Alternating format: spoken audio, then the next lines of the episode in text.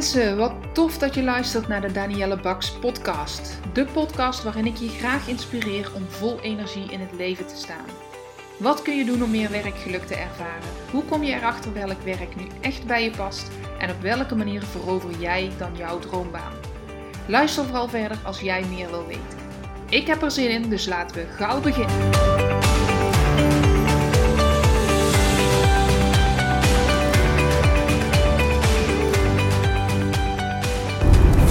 Deze keer een podcast over burn-out slash bore-out. En de link die het kan hebben met HSP H6. Ehm, ik vertel je een stukje over mijn eigen ervaring. En ik ben natuurlijk het boek aan het lezen van Prikkels bijten niet van Saskia Kleisen. En terwijl ik dat aan het lezen was, vielen er een hele hoop kwartjes. En dacht ik, hey, dit heb ik zelf ook meegemaakt. En hoewel ik op dat moment dat ik dat meemaakte, dus helemaal niets afwist van uh, hoogsensitiviteit, laat staan HSP, H6, dus High Sensation Seeker. Ik wist niet wat er met me aan de hand was. Mijn vriend, op dat moment was het nog mijn vriend, nu mijn man, die had alles benoemd. Jeetje, wat is er met jou? En uh, raak jij burn-out? Of wat is er aan de hand? En nu ik dat boek aan het lezen was, dacht ik: Oh, volgens mij heb ik daar toen mee te maken gehad. Nou, ik ga je uitleggen waar ik mee te maken had, hoe dat is, hoe dat jij dat misschien zelf wel herkent. Um, maar op dit moment zit ik in de auto richting Zuid-Limburg. Vorige week ben ik al lekker naar Zuid-Limburg geweest, van maandag tot en met donderdag.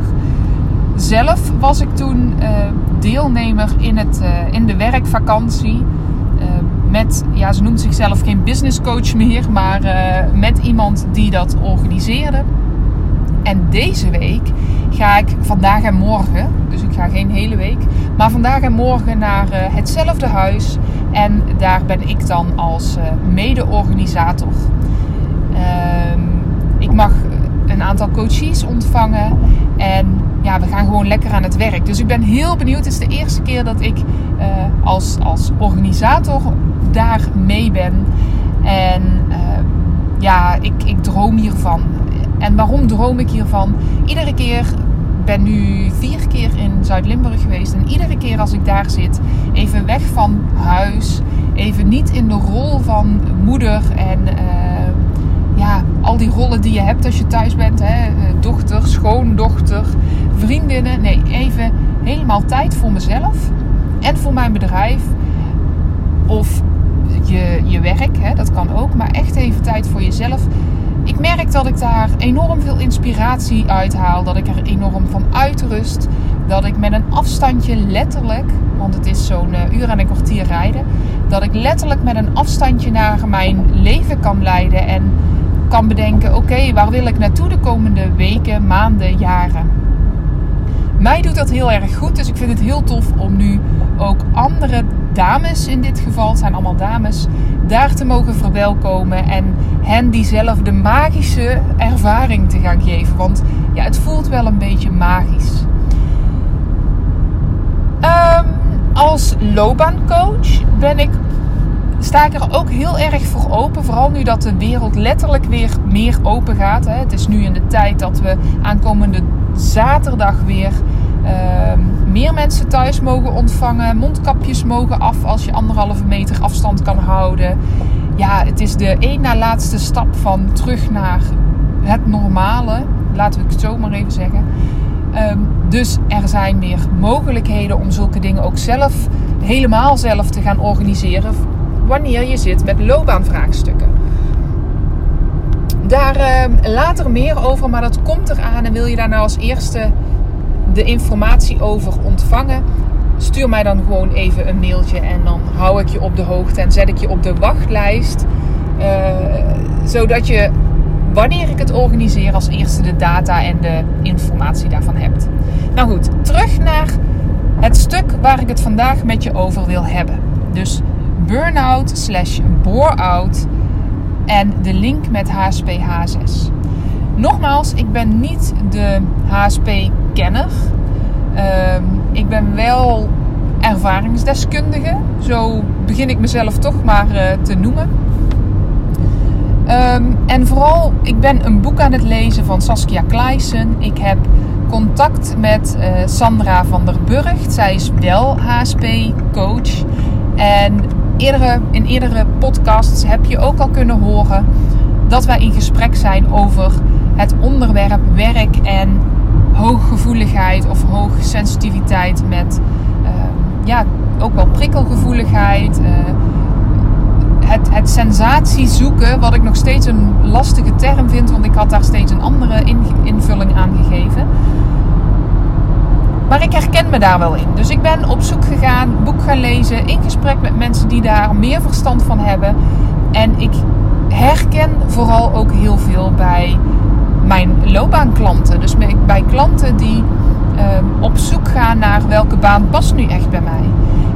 En bepaalde voorbeelden die zij zelf hebben gehaald uit de podcast die ik al heb opgenomen over dit onderwerp.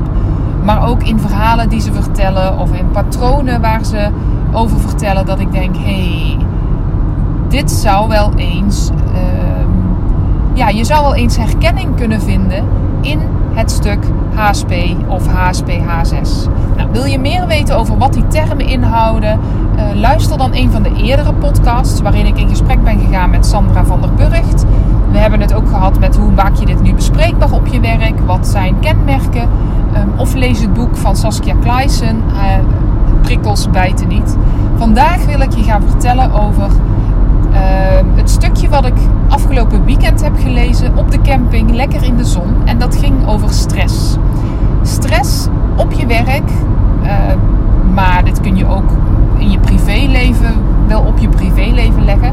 Maar wat stress doet als je dus herkent in die kenmerken van hoogsensitiviteit in combinatie met uh, dat high sensation seeker.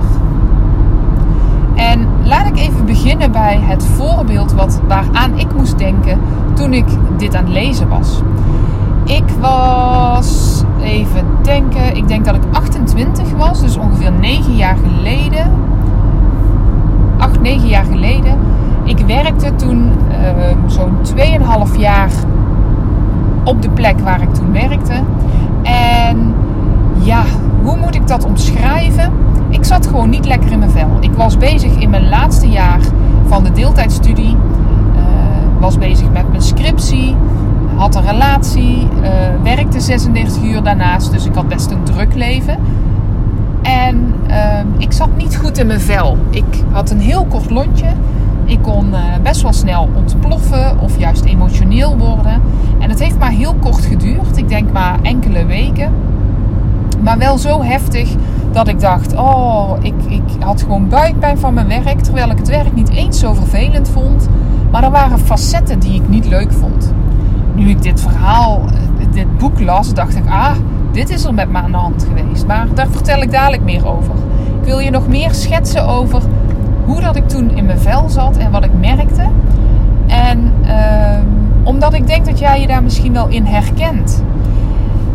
Nou, ik zei net al, mijn vriend toen de tijd, mijn man nu, zei tegen vroeg aan mij van, goh, je lijkt wel overspannen of uh, uh, ja, burn-out.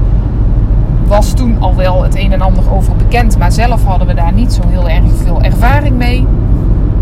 Hij zegt, zou, ik zou eens naar de dokter gaan. Of blijf gewoon eens thuis van je werk en meld je eens ziek, want ja, het gaat niet goed met je. En ik, zoals ik toen was, uh, ik dop mijn eigen boontjes wel, het zal allemaal wel meevallen. Ik gooide dat heel ver van me af, totdat ik op een gegeven moment met een, uh, een beker kapot gooide. Ja, dat heb ik gedaan. Echt bewust, omdat ik boos was en ik dacht, en ik gooide een beker kapot. Toen dacht ik, jeetje, ik ben heel hard gaan huilen. Omdat dat gewoon niet was zoals ik was. Maar op dat moment wel. Het ging niet goed met mij. En, maar ik herkende het niet. Dat ik stress had omdat het te druk was. Ik hield daar juist van. En ik hou daar nog steeds van. Ik hou van bezig zijn, van drukte. En ik kan ook heel goed ontspannen en op de bank hangen en niets doen. Maar op dat moment ja, had ik niet het idee dat ik... Uh, dat het te druk was. Ehm, wat heb ik toen gedaan? Ik heb me inderdaad ziek gemeld. Omdat ik merkte dat ik op mijn werk, ja, als ik daar naartoe moest of daar vandaan kwam, dan was het eigenlijk nog. Uh, uh, had ik die klachten het meest.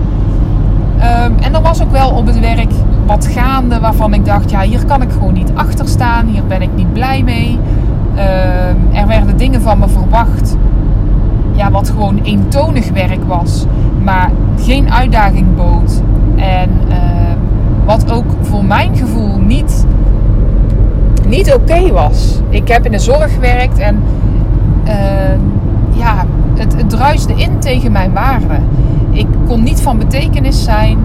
Ik uh, frustreerde me over het feit dat ik wat aan pappen en nat houden was. Dus nee, ik, ik stond heel ver van mezelf vandaan. En er waren nog wat spanningen op het werk, ook tussen collega's. Nou, alles bij elkaar maakte dat dat ik het gewoon niet gaaf vond. Uh, de, de, cliënten waarmee ik werkte voelden die spanning in het team en in het, in het werk feilloos aan. Die gingen daar ja, gebruik van maken of misbruik, net hoe je het wil noemen. Dus het was gewoon echt niet prettig. Ik heb me ziek gemeld. Ik had uh, behoefte om leuke dingen te doen. Mijn leidinggevende toen wist dat ook. Die gaf mij daar ook ruimte in. En ja, dat is uh, een maand of twee geweest, denk ik. Niet dat ik in de ziektewet heb gestaan, maar een maand of twee dat dat, dat, dat zo speelde. Dat ik niet goed in mijn vel zat. Ik denk misschien anderhalve maand, maar laten we even twee maanden zeggen. Kwam er een vacature, een interne vacature. Daar heb ik op gereageerd. En met mijn oog op uh, dat ik daar was aangenomen, ging het eigenlijk alweer beter. Heb ik ook mijn werk opgepakt en ben ik uh, als voorbereiding op die nieuwe functie ben ik wat ander werk uh, erbij gaan doen. En het verdween eigenlijk als sneeuw voor de zon, mijn klachten. En dat was voor mij het teken dat ik dacht, ja zie je wel, er is niet zozeer met mij iets aan de hand, maar ja, de omstandigheden waren op dat moment gewoon niet zoals, uh, zoals ik ze prettig vond. Nou, wat. Ik was dus van het weekend een boek aan het lezen en ik las dat stuk over stress. En dat een burn-out en een bore-out heel dicht bij elkaar liggen. En wat las ik? Ik las dat een, uh, een burn-out, voor het geval dat je dat niet weet wat het is, um, dat is eigenlijk het, het, een periode waarin je. Oh, nou moet ik het natuurlijk wel heel goed uitleggen, anders krijg ik mensen op mijn dak die zeggen: ja, je legt het niet goed uit. Ik ben, nogmaals, ik ben geen expert op dit gebied. Maar een burn-out is als je eigenlijk te veel stress hebt en te veel. Uh, dat je op je tenen loopt, dat je te veel uitdaging hebt of het gewoon te druk hebt op één of meerdere gebieden in je leven.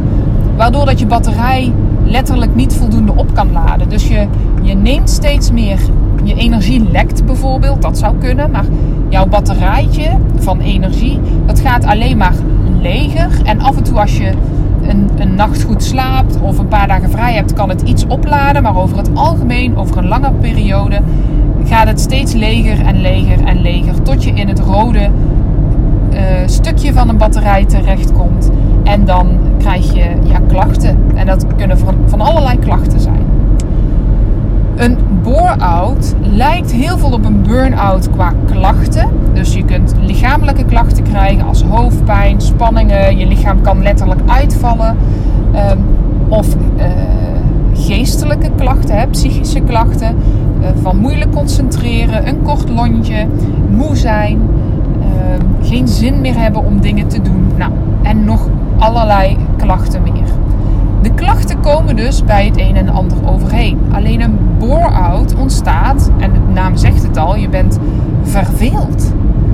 Je hebt dus juist te weinig uh, prikkels, te weinig uitdaging, waardoor er ook stress ontstaat. En ja, als je meer wil weten, zoek het even op. Dan vind je ook online vind je ook vast een een completere uitleg dan die ik je nu geef. Maar ik herken me heel erg in dat bore-out stuk. En als ik dat uh, terugdenk aan die situatie die ik had, dan dacht ik, ja, ik was gewoon echt verveeld. Ik was verveeld omdat ehm, het werk wat ik moest doen, hè, dat kwam ook door ehm, een aantal langdurig zieken. Dat kwam door ja, dat, het, dat het wat dat betreft druk was. Ik had wel werkdruk. Ik moest extra diensten werken. Ehm, de cliënten waren, ja, waren uitdagender. Maar het inhoudelijke werk, buiten het, het omgaan met de cliënten, het inhoudelijke werk, daar was vooral ruimte voor um, toezicht houden, laat ik het zo maar even noemen. Er was vooral ruimte voor toezicht houden, toezicht houden en nog meer toezicht houden. In plaats van het voeren van gesprekken met de cliënten. Dus het was dat pappen en nat houden wat ik net zei. Daar kon ik mijn ei niet in kwijt. Dat vond ik saai en vervelend. En ik, ik werd ja, echt verveeld. En dan ga ik mezelf enorm in de weg zitten. Dan, dan heb ik ook nergens meer zin in. Dus als ik eh, een hele middag toezicht had moeten houden, dan had ik s'avonds ook echt geen zin meer om wel in actie te komen. Ja, en zo was het cirkeltje rond. En wanneer ik dan thuis was, had ik ook geen zin meer om me op mijn studie te richten of om andere dingen te doen. Dus aan de ene kant had ik veel uitdaging, omdat ik dus verschillende dingen in mijn leven deed waar ik op zich wel plezier uit haalde, maar doordat ik in mijn werk verveeld was, en dat deed ik toch gemiddeld 36 uur in de week, ehm, ja, kwam ik niet meer op gang.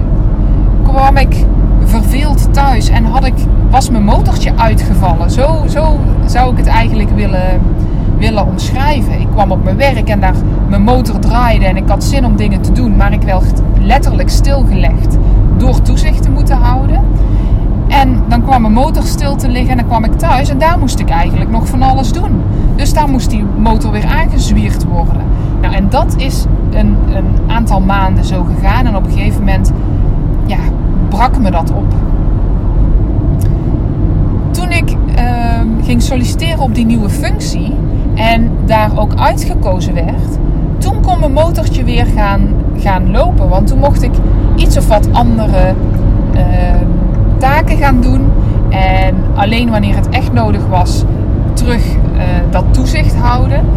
En daarmee, ik had ook een, een, een lichtpunt in de, op de horizon. Er was licht aan het einde van de tunnel, omdat het nog maar ja, een maand of twee zou duren voordat ik uh, naar die andere functie zou gaan. En dat was voor mij voldoende. Daarmee ben ik eigenlijk gereset en kon ik op de momenten dat ik toezicht moest houden, uh, mezelf ook uitdagen omdat ik nog stukken door kon lezen als voorbereiding op mijn volgende functie. En waarom ligt een bore-out en een burn-out dan zo dicht bij elkaar? Ik heb het net al verteld, maar om dat nog eens extra aan te duiden in hoe dat ik dat heb gelezen vanuit die, het boek wat ik aan het lezen was en hoe ik dat heb ervaren, is dus door wat ik net zei, dat motortje wat eigenlijk heel erg aanstond op de momenten dat ik het druk had. Mijn leven is vol en daar hou ik van. Dat is de sensation seeker in mij. Uh, maar omdat ik ook momenten had dat ik verveeld werd, was ik dus verveeld. En op andere momenten kon ik het niet meer bijbenen om die drukte uh, de baas te zijn. Omdat mijn motortje uitviel en ik heel veel moeite moest doen om dat motortje weer aan te zetten. En ik weet niet of dat voor jou herkenbaar klinkt, maar toen ik het las en toen ik las dat dat bore-out en burn-out zo dicht bij elkaar lag, uh, dacht ik: Jeetje, dit was er toen aan de hand. En ik heb me ziek gemeld omdat ik gewoon niet meer in dat bore-out stuk wilde komen, omdat ik daar zo last van had. Maar om thuis op de bank te gaan zitten, daar werd ik toch ook echt niet vrolijk van. En dat zie ik stiekem en hoor ik stiekem om me heen regelmatig benoemd worden. Dat mensen zeggen: Ja, ik heb een burn-out, uh, maar ik word, thuis word ik ook niet beter. En ik ben dan altijd benieuwd: hoe bedoel je dat en wat merk je dan? En keer op keer als ik dat bespreek, of keer op keer, de laatste weken als ik dat met mensen bespreek, dan twijfel ik dus of mensen wel een burn-out hebben of dat ze dus bore-out zijn of zijn geweest. Want soms is het ook iets wat al achter ze ligt, maar wat nog steeds oprakelt. En ik denk dan het verschil om, tussen die twee is zo belangrijk om te weten, omdat het herstel ook dus iets anders vraagt. Van een burn-out moet jouw lichaam bijkomen. En van een bore-out ook, maar van een burn-out moet jouw lichaam op een andere manier bijkomen. Er moet iets anders met dat motortje gebeuren dan met een bore-out. Met een bore-out wil je langzaamaan jezelf weer uit gaan dagen. Met een burn-out moet je jezelf vaak juist niet al te veel uitdagen. En moet je het even pas op de plaats nemen en kijken hoe vind je die balans terug. En ik las dat en ik dacht, hier moet ik een podcast over opnemen. Niet om je precies te vertellen hoe het zit en hoe het voor jou is, maar wel om je alvast uh, bewust te maken dat er dus zo'n verschil tussen zit. En om je bewust te maken dat als je hier iets van herkent, dat je misschien wel uh, jezelf meer wil verdiepen in een bore-out en in een burn-out en in de verschillen en in de overeenkomsten en in de mate van herstel. Want hoewel ik er prima van hersteld ben zonder te weten wat het was, als je echt een flinke burn-out of een flinke bore-out hebt, dan zie ik dat dat regelmatig een, een punt van uh, aandacht is. Wanneer je niet de juiste lessen hebt geleerd. En ik hoop dat je begrijpt wat ik daarmee bedoel. Als je de juiste les leert. Ik uh, weet nu heel erg goed wanneer ik verveeld ben.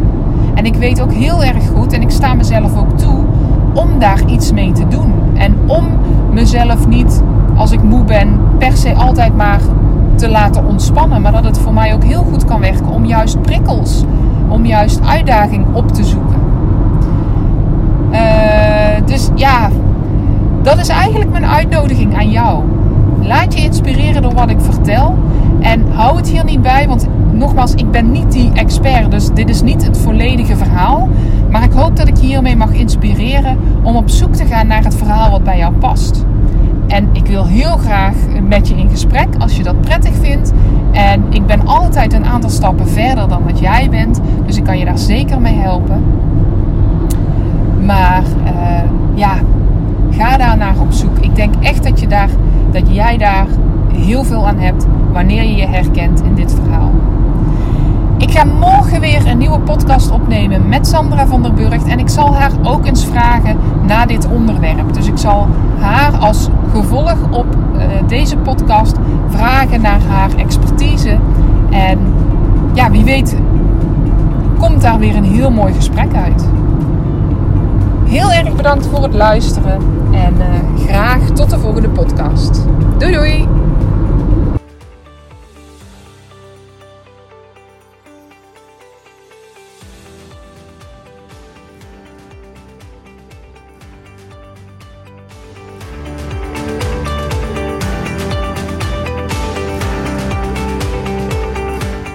Mensen, dank je wel voor het luisteren naar mijn podcast. Mocht je deze aflevering interessant hebben gevonden, maak dan even een screenshot en tag me op Instagram Stories. Ik vind het ontzettend leuk om te zien wie er luistert en door te delen inspireer jij ook anderen. Hartstikke bedankt alvast en tot de volgende keer.